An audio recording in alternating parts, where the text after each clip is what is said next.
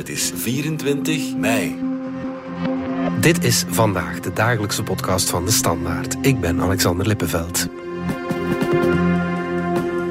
Op 25 mei beslist een Italiaanse rechtbank over het lot van JJ Quattro. Die beschuldigde is een beer die begin april een jogger heeft gedood in het Alpendorpje Caldes. Het debat verhit de gemoederen in Italië, want het dier zou de doodstraf kunnen krijgen. Wordt JJ Quattro echt gedood of wordt ze verplaatst naar een dierenpark?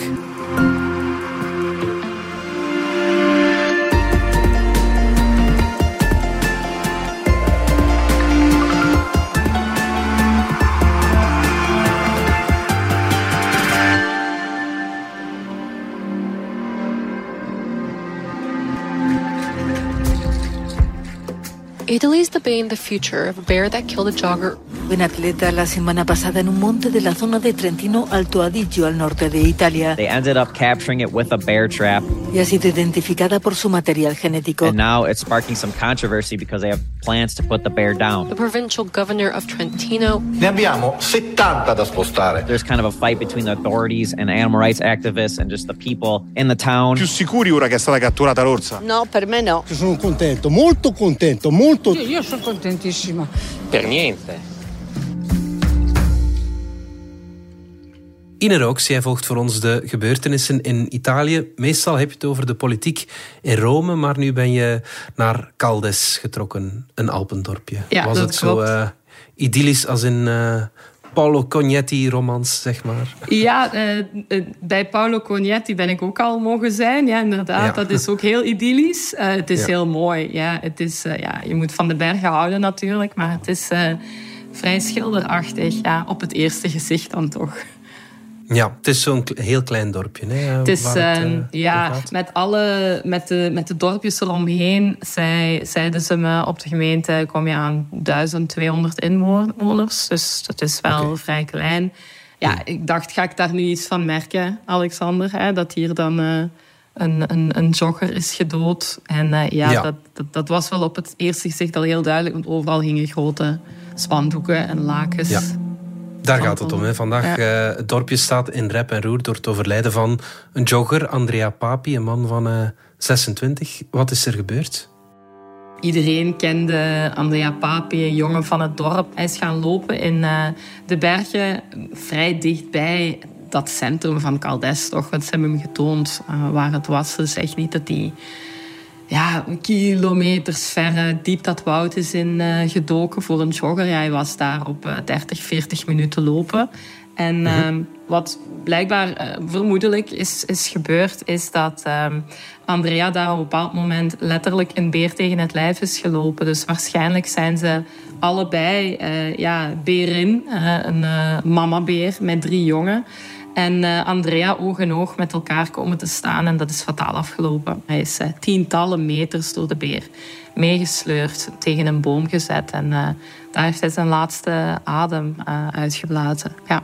En wou die beer zichzelf beschermen of was het echt een, een aanval? Ik kon met een uh, dierenarts spreken die 30 jaar ervaring heeft met beren. Die zegt, een berin die, die dit heeft gedaan, ja, alles uh, wijst hier heel sterk op een defensieve aanval. Je moet je voorstellen, als wij als mens uh, in slaap zouden zijn, in ons bed liggen en ineens zien wij een grote schaduw over ons bed staan, wij schrikken wakker. Uh, onbekende staat naast ons bed.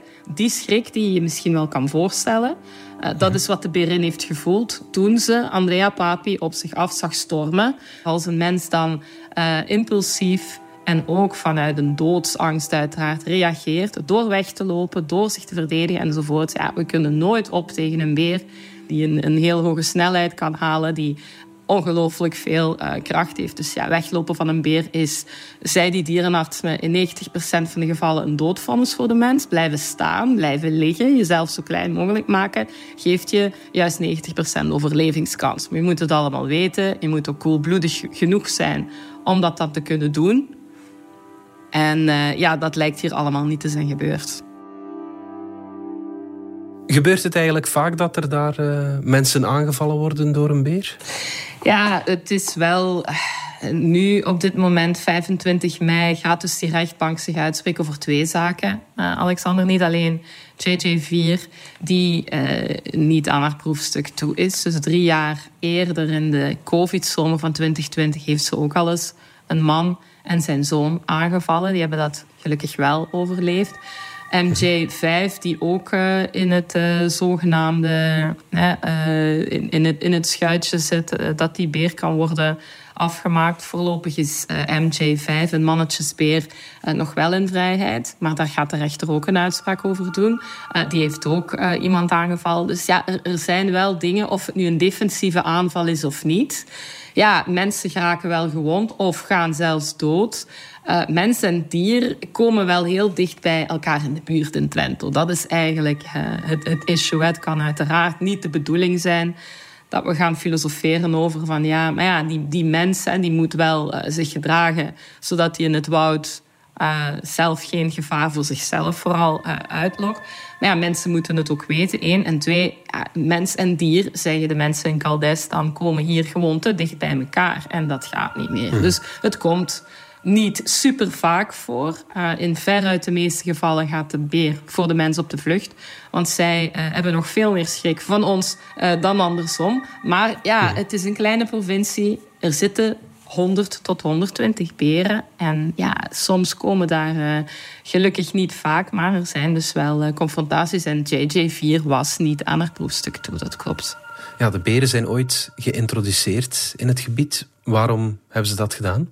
Ja, het zijn in oorsprong Sloveense beren. Um, mm-hmm. Wel omdat het weer bijna was uitgestorven. Het is een alpendier. Het wordt ook geassocieerd met het beeld, het imago van die regio. Dat heeft zeker ook het zullen zeker dierenrechtenactivisten ook uh, luid op blijven zeggen. Het heeft zeker ook ermee te maken gehad met de promotie van het toeristische imago van Trentino, Alto Adige, Zuid-Tirol, die landstreek in Noord-Italië. Dat ook uiteraard een heel sterk biologisch nut voor uh, de biodiversiteit in die Noord-Italiaanse Alpen. En het was de bedoeling dat die beren zich dus zouden, zouden vermenigvuldigen en voortplanten. En uh, dat is alleszins heel erg goed gelukt. Van tien in de jaren 90, einde jaren 90 tot 2002, zijn ze aangegroeid tot 100 à 120. Dat is een schatting, want met zekerheid okay, ja. weet men niet met hoeveel ze zijn.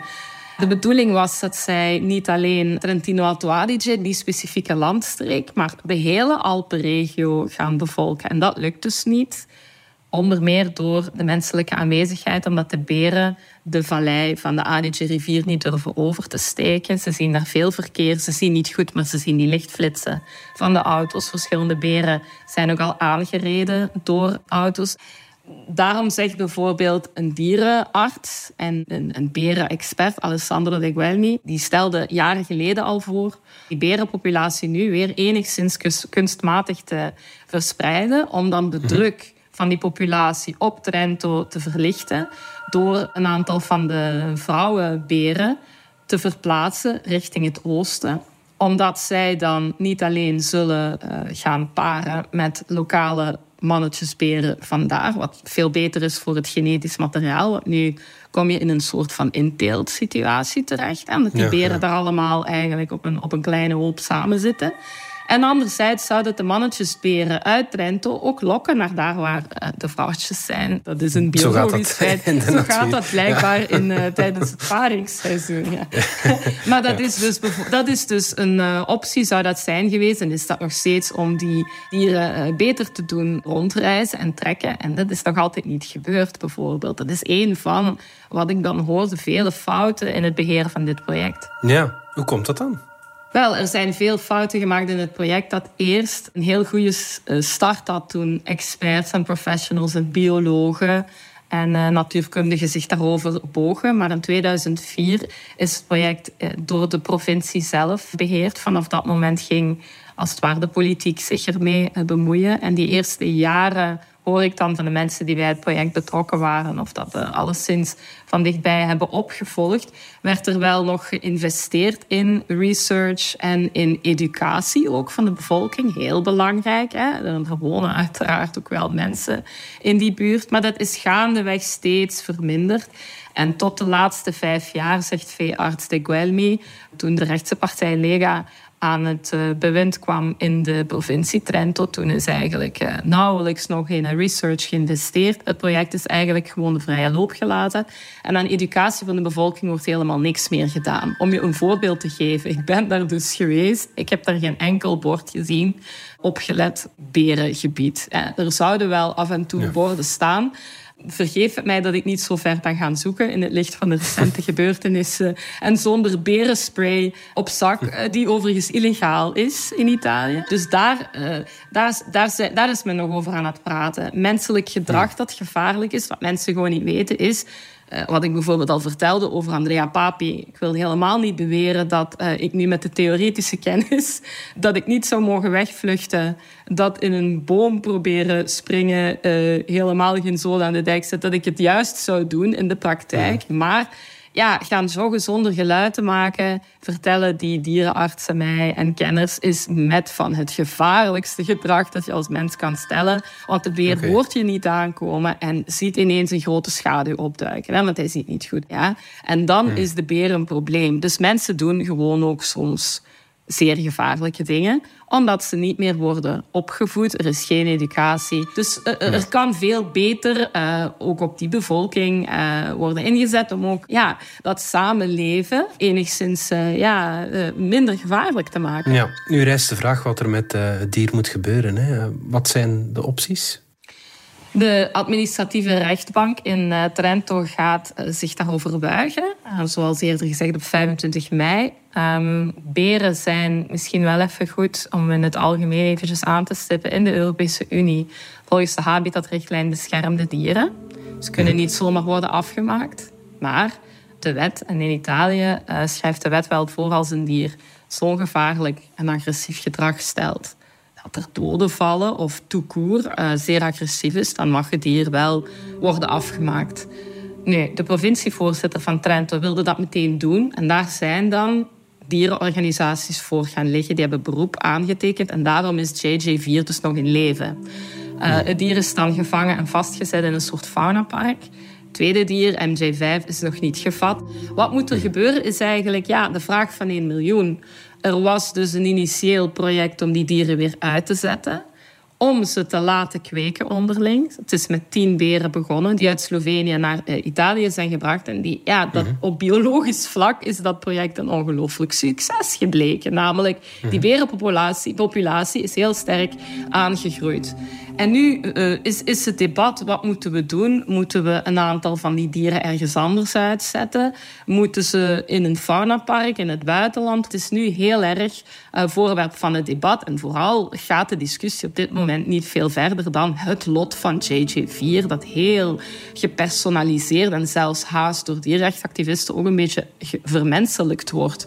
De twee mhm. dieren uh, waarover het nu gaat, hebben een naam gekregen van dierenrechtenactivisten. En ja, die hen Gaia en Johnny noemen. Uh, ja, dat is een tactiek om hen, hen bijna haast menselijke eigenschappen toe te passen. En zo krijg je nog heel veel meer emotie, uiteraard, in dat debat. En zover zit Italië eigenlijk nog maar. Hè. Er moet een heel felle polemiek. En ik, ik heb dan uh, best wel wat maar beren informatie gezocht. En dan onthoudt het algoritme van Google dat je naar beren zoekt. En dan krijg ik dus ook gewoon spontaan nu... Uh, Ine, neem deel aan de peiling. Moet JJ4 dood of niet? Dus het is ongelooflijk wat op die nieuwssites de hele tijd rondgaat. Dus het wordt hyper emotioneel gespeeld. En heel veel krantenjournalisten bij de lokale pers in, uh, in, in Noord-Italië. Maar zeker ook niet alleen daar. Spelen het heel erg op die emotie. En berichten over de publieke opinie, als het ware. Dus niet wat wij nu hier proberen doen. Hoe zit het nu? Wat moet er gebeuren?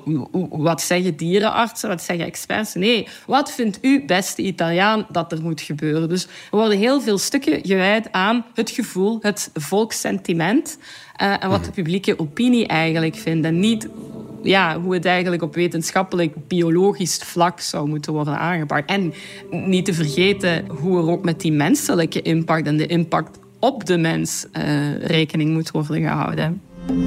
Straks hebben we het nog over de wolf, want uh, ja, het doet wel allemaal een belletje rinkelen natuurlijk. Maar eerst gaan we er even uit voor reclame. Podcast De Zuivele Waarheid. Heeft zuivel een plek in een gezond voedingspatroon? En kies je dan best vol, halfvol of mager? Ik ben Hetty Helsmortel en ik maakte een podcast over zuivel en de link met onze gezondheid. Beluister de podcast nu op Spotify.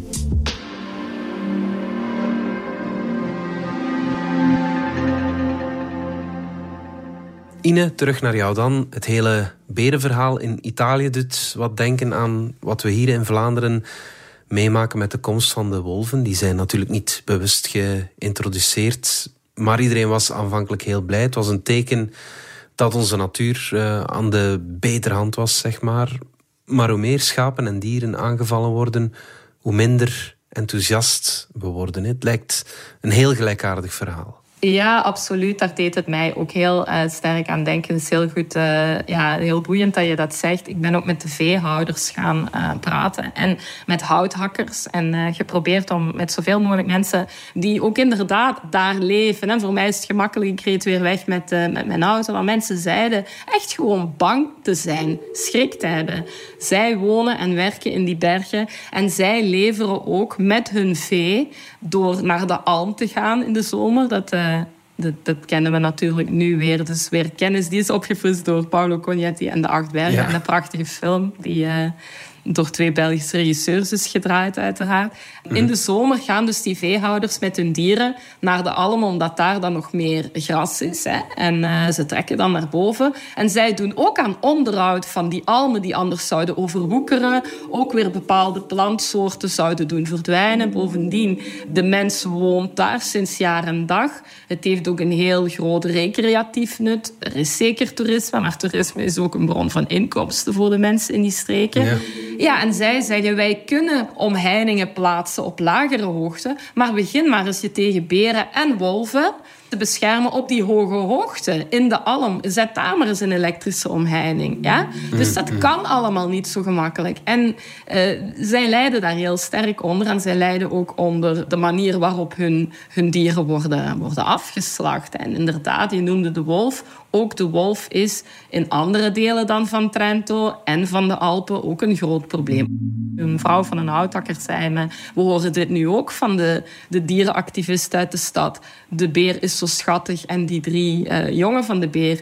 Uh, en kijk eens wat een lieve ogen. En dan zei die houthakkersvrouw, maar ik heb de ogen gezien van de moeder van Andrea Papi. En die vrouw is gebroken voor het leven. Dat komt ook wel even binnen, zo'n commentaar natuurlijk. Ja. ja, ja en daar zit heel veel waarheid in ook. Mensen zijn hun bron van inkomsten, zien zij bedreigd als hun vee wordt aangevallen, als hun geiten de stuipen op het lijf worden gejaagd, door wolven dan bijvoorbeeld. En wat die veehoeders ook ja, met pijn in het hart zien. En dat moet ook uiteraard uh, ernstig worden genomen. Het zijn ook cijfers die, uh, die bedragen. Ik heb, ja, we hebben niet de cijfers van vorig jaar, maar de laatste cijfers van schadevergoedingen die de provincie Trento moet betalen, eh, dateren uit 2021. En toen zijn er 463 schadegevallen gemeld van boeren dus die een dier zijn verloren. 301 door beren en 162 door de wolf. En de schadevergoeding is ongeveer 50-50 verdeeld op een totaal van 337.000 euro. Ja, dus dat zijn wel bedragen voor een kleine provincie die, die oplopen natuurlijk. Dus kan je, wel je hebt ook een economische impact. Ja. Ja, ja. Er komt uiteraard ook politiek eh, bij kijken, je haalt het al aan. In de krant maakte je de vergelijking tussen de aanpak van deze beer door de provincievoorzitter Fugatti van de rechtse Lega en hoe die partij tegen migranten aankijkt. Leg dat eens uit. Ja, dat komt misschien uh, ja, zeer verbazingwekkend. Uh, of misschien een tikje vergezocht over. Hè? Nogmaals, dat is niet mijn analyse. Want de mhm. eerste die dat tegen me zei... die heb ik wel even de wenkbrauwen gefronst. Dacht ik van, ja, het is tegenwoordig alles wat, als je dan aan de andere kant staat, zoals veel Italianen, is alles wat uh, uit de koker van Meloni komt of van deze rechtsregering, ja, is allemaal uh, is een, een gemakkelijke zondebok om niet te veel dierenmetaforen te gebruiken, maar goed. Um, en, maar in dit geval was de eerste die het zei een dierenrechtactiviste die uh, bij de meest uh, genuanceerde was die ik kon vinden. Want er zijn ook dierrechtactivisten die bijvoorbeeld nu beweren dat JJ4 helemaal niet Andrea Papi zou hebben gedood. Terwijl al uit het autopsieverslag is gebleken dat dat wel zo is. Um, maar deze dierrechtactiviste zei Het klopt helemaal niet dat wij hè, bijvoorbeeld dieren belangrijker zouden vinden dan mensen. Wij vinden gewoon dat er een, eh, een samenlevingsvorm moet worden nagestreefd en dat je aan educatie moet doen. Hè. Dus een genuanceerder verhaal. En dan zei ze, maar kijk, eh, daar is rechts niet in geïnteresseerd. Daar gaat het helemaal niet over. Wij horen de provincievoorzitter Fugatti bijvoorbeeld zeggen, maak maar 70 dieren af of laat mij ze afmaken, 70 beren. Dan hebben we die populatie wat meer onder controle. Dat is iets wat bijvoorbeeld dan helemaal niet kan omdat de beer een bedreigde diersoort is en beschermd eh, is in Europa. Nu niet meer bedreigd hier in Italië, maar dus wel een beschermde diersoort. En dan zei zij, ja, dit is hoe rechts gewoon uh, en hoe de Lega zich opstelt tegenover alles wat anders is, divers is en een samenlevingsuitdaging vormt. Hè. Maak het maar dood, stop het maar weg, hou het maar buiten. En toen zei ze dan, stel maar een zeeblokkade in tegen migranten, hou ze maar buiten. Waarop ik zei, is dit nu niet een tikje, een vergelijking die... Nee, zegt ze. Ik zeg natuurlijk niet dat beren zoals mensen zijn... of dat beren gelijk staan aan migranten... of dat ik daar één op één dezelfde vergelijking zie. Maar er zijn complexe kwesties met veel lagen, met veel kanten. En de Lega en bij uitbreiding rechts niet alleen hier in Trento, maar in heel Italië, komt met zeer simplistische, korte termijn oplossingen die ofwel niet uit te voeren zijn, ofwel kortzichtig zijn. Dat gevoel hebben wij en daarop slaat het. Dan daarna zeiden nog steeds meer mensen mij dat. Ook bijvoorbeeld die dierenarts Reguelmi, die ook met de provincie Trento heeft samengewerkt, zei... Wij hebben absoluut het gevoel dat Fugatti hier een campagnemiddel van uh, maakt. Dus de beer en de vermoorde, de gedode jogger Andrea Papi worden als inzet van verkiezingscampagne gebruikt. En dat is een kritiek die de Lega en die rechtse krijgen van in plaats van op educatie in te zetten en op samenleven, vergezocht of niet, dat is wat mensen hier zeggen, wordt dan gezegd van we schakelen het probleem uit door het gewoon, ja, de radicaalste oplossing, eh, schiet de beren die we ooit als mens hebben opnieuw uitgezet, schiet ze nu maar af. Ja, en wat denk je, Ine? Moet deze beer, JJ4 of Gaia, in welke, in welk kamp je ook zit, moet die, moet die straks dood? Wel, of die dat van mij moet, dat is niet zo relevant. Ik denk dat uh, als een mens sterft, dat er absoluut wel maatregelen zich opdringen. Hè? Uh, als een hond een kind zou aanvallen in België, wat zou je dan zeggen? Zouden we dan peilingen gaan houden voor de hond? Red de hond? Ja, ik weet het niet zo. Andrea. Papi is wel dood, is 70 meter een ravijn ingesleurd. Uh, dat is allemaal ongelooflijk traumatiserend. Ik denk niet nu, nu dat er zoveel tijd overheen is en JJ4 in gevangenschap al zit, is het moeilijker om te bepleiten dat het dier dood moet, omdat het dier nu geen gevaar meer kan zijn voor zijn omgeving ja, ik denk dat ze niet meer op vrije voeten kan en mag komen. En voor MJ5 hetzelfde. Maar daarmee heb je het probleem ook niet opgelost. Het gaat niet over twee beren. Het gaat over een berenpopulatie. En wij mensen hebben de beer niet nodig, uiteraard, om ons voortbestaan te verzekeren. Maar, zegt dierenarts Alessandro de Guelmi, ze kunnen ons toch aan het denken zetten. Kijk naar een woud met of zonder beren. Zijn er geen beren, dan voelen wij als mens ons uh, absoluut de sterkste, de krachtigste, toch in Europa. Zijn er wel beren, dan zijn wij te gast. En dat betekent dat we daar op verschillende manieren mee kunnen omgaan, want we weten dat er een dier is, een natuurkracht, die sterker en machtiger en uh, altijd van ons zal winnen in geval het tot een aanval komt. Als we ervan uitgaan dat wij, de mens, altijd het centrum zijn van het universum en het belangrijkste, dan kunnen we nu met dit probleem tussen aanhalingstekens omgaan door te zeggen, ja, de beren moeten eraan, de beren moeten gedood worden, zegt dierenarts de Guelmi. En dan doden we dus ook de biodiversiteit. Als we die visie die antropocentrische visie waarbij de mens altijd het centrum zou zijn laten varen, dan kunnen we misschien nadenken over manieren om naast elkaar te bestaan. Niet samen te leven, maar wel bijvoorbeeld elkaars habitat, elkaars leefomstandigheden respecteren. Dat kan misschien ook proberen rekening te houden met elkaar, zegt de Guelmi. En dat kan in deze berensaga de les zijn die wij nu van beren kunnen leren. Ja, goed wat je van beren leren kan. Ine Rooks, dankjewel. Graag gedaan. Dit was vandaag de dagelijkse podcast van De Standaard. Bedankt voor het luisteren. Volg ons op Spotify, Apple Podcast of eender welk ander podcastplatform. In onze gratis FDS podcast kan je niet alleen ons werk beluisteren, maar ook de beste podcasttips terugvinden met zorg geselecteerd door onze redacteur Max de Moor. Alle credits van de podcast die je net hoorde vind je op standaard.be-podcast. Reageren kan via podcast.standaard.be. Morgen zijn we er opnieuw.